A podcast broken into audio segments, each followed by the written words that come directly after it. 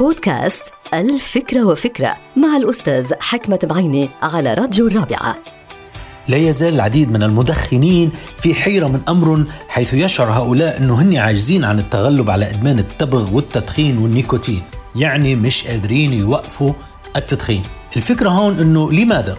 يعني بصراحة ليش الرئتين ما بتتمكن من إيقاف عملية التدخين أو على الأقل ترفض استقبال الدخان الناتج عن احتراق التبغ وتوابع.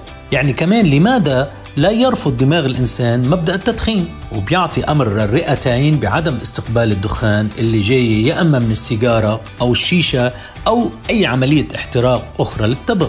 لماذا تفتح الرئتين عندنا بتفتح أبوابها لعملية إدمان واضحة ولخطر التسمم وأحيانا فرضية الإصابة بأمراض القلب والشرايين وحتى السرطان. وإذا افترضنا أن الرئتين غير قادرتين على إيقاف هجمات التدخين المفروضة عليها عنوة فلماذا لم يتمكن مثلا الفم أو البلعوم أو الحنجرة أو أي شيء آخر من إيقاف عملية التدخين؟ الفكرة هون غريبة ولكن غرابة هذه الفكرة هي أنه ممكن الأهداب الصغيرة اللي داخل الرئتين هي السبب وراء عملية الإدمان. هالفكرة هي منا علمية وغير مؤكدة ولكن تطرح علامة استفهام على الدور المشبوه لتلك الأهداب التي من وظيفتها الأساسية هي إيقاف أي شيء مضر للرئتين. يعني هي شغلتها تمنع أي شيء مضر بالرئتين أن يمر بالقصبة الهوائية.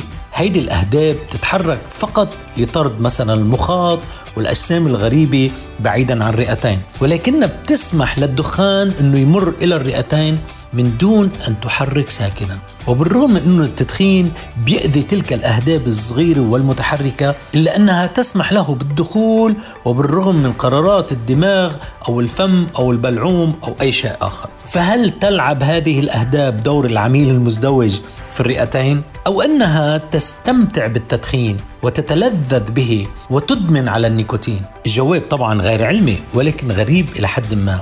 أنا رأيي إنه تلك الأهداب الموجودة في الرئتين مغرومه بالتدخين تستمتع بالتدخين إلى حد الإدمان البشع والقاتل في بعض الأحيان. احذروا الإدمان.